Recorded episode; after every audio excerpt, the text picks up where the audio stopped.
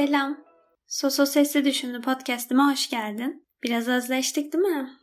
Ya değişik hissediyorum. Biraz zaman algım dengesizleşti galiba. Çünkü 3 ay gibi geçen bir Ocak ayının ardından 2 günde biten ve bir sürü düşünceyi aynı anda zihnime bırakıp kaçan bir Şubat ayı yaşadım. Konuştuğum birkaç kişi de benzer şeyler hissettiğini söyledi. Sanki hem çok şeye karar vermişim gibi hem de aslında sanki hiçbirini de etraflıca düşünmemişim gibi. Halbuki çok düşünmeme rağmen çok çok hızlı koşup bir anda durduğumu hissediyorum ve hayatımda ilk defa düşüncelerimin hızına yetişemeyip içimden dahi konuşmadığım bir süreçti ama neyse ki sakinledi zihnim birazcık.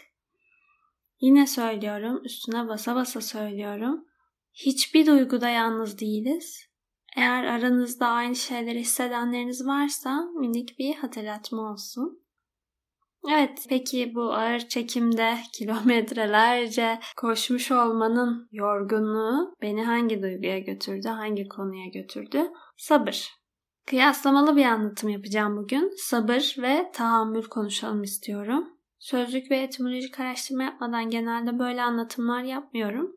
Baktığımda da sabır ve tahammülün çoğunlukla aynı anlamda kullanıldığını gördüm. Ama tabii ki bendeki hissiyatı aynı değil. Sabır sanki görece daha olumlu bir his veriyor. Yani olmasını istediğimiz, beklediğimiz bir şey için sabır göstermek daha manalı ve e, ruhu olan bir bekleyiş gibi. Tahammül ise öğrendiğimiz, aldığımız otomatik kalıplara uygun bir şekilde e, dayanmak, bir yükün altında olmak gibi bir his uyandırıyor bende. Zaten hamal kökünden geliyor. Yani aslında var olamadığım, benim ben olamadığım bir yerde bana ait olmayan şeylerin hamallığını yapmak gibi. Bende tam olarak uyandırdığı duygu bu duyduğumuz, gördüğümüz, maruz kaldığımız düşüncelerin, fikirlerin, bir şeylere yapış biçimlerinin doğruluğu ve geçerliliği zaman içerisinde ve üstelik bireyler arasında da değişken olmasına rağmen yaptığımız aslında bu otomatik kabullerin hamallığı. Sabrettiğimiz şeylerin her zaman karşılığını aldığımıza inanıyorum ben. Ama tahammül ettiğimiz şeylerin sonuçları pek de istediğimiz şeylerle örtüşmüyor genelde. Sabır yani patience 1500'lerde emek ve eforda sabitlik bir şeyin olmasını beklerken ki sakinlik olarak tanımlanmış. Çok tatlı bir tanım. Bir şeyin olmasını beklerken ki sakinlik. Ne kadar da beceremediğimiz bir şey değil mi? Sabrın bir karşılığı olmasına rağmen bir yanda e, biz onu beklerken sakin kalamıyoruz. Ama diğer yandan da nelere nelere tahammül edip hamallık yapıp ağrılar sahipleniyoruz. Nelere razı oluyoruz. Yine harika tutarsızlığımız. Hayır demenin önemine son zamanlarda çok fazla vurgu yapılıyor. Denk gelmişsinizdir. Ama belki de evet demenin de değerini yeniden hatırlamalıyız. Evet ya ben buraya ait hissetmediğim için, bu kişiyle mutlu olmadığım için, şu olayda kalbim kırıldığı için bunu değiştirmeye değerim evet diyebilmek. Doğru ölçüde sabır göstermek, tahammüle kaymadan sağlıklı sınırlar çizip onları korumak önemli. İki bölüm önceki sınırlar bölümünü de bu bölümün devamı olarak tekrar bir dinleyebilirsiniz.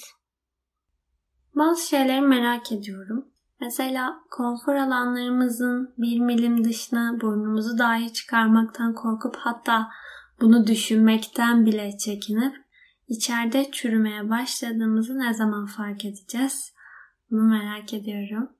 Su yaşam kaynağımız ama buna rağmen biraz fazla maruz kaldığımızda parmaklarımız böyle buruş buruş oluyor ya.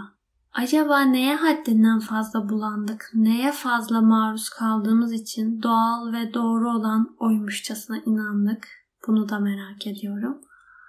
İçimde huzuru hissedemediğim bir yerde kendimi oyalarken gidip gelip sürekli bir kapıya çarpıp çarpıp geri dönüyorsam o kapıyı geçmemiz gerektiğini ne zaman anlayacağız? Bunu da merak ediyorum.